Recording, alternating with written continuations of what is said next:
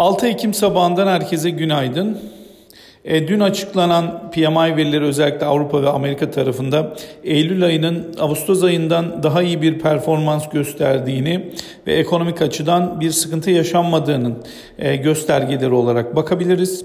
Bugün özellikle e, Amerika'dan açıklanacak özel sektör istihdam verisinin 430 bin veya üzerinde bir e, beklentide gerçekleşmesi durumunda biraz daha dün gördüğümüz o dolardaki değer kazanımının ve Amerikan faizlerinin yukarı doğru 10 yıllıklarda 1.57'ye kadar yükseldikten sonraki hareketinin tamamlayıcısı olma özelliğine sahip olabilir.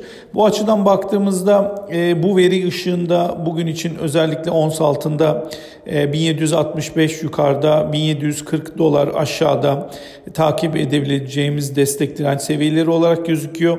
Dolar TL'de 8.85 8.7 87 destekleri yukarıda ise 8.93 ve 8.95 direnç seviyeleri bulunduğunu ifade etmemiz gerekiyor.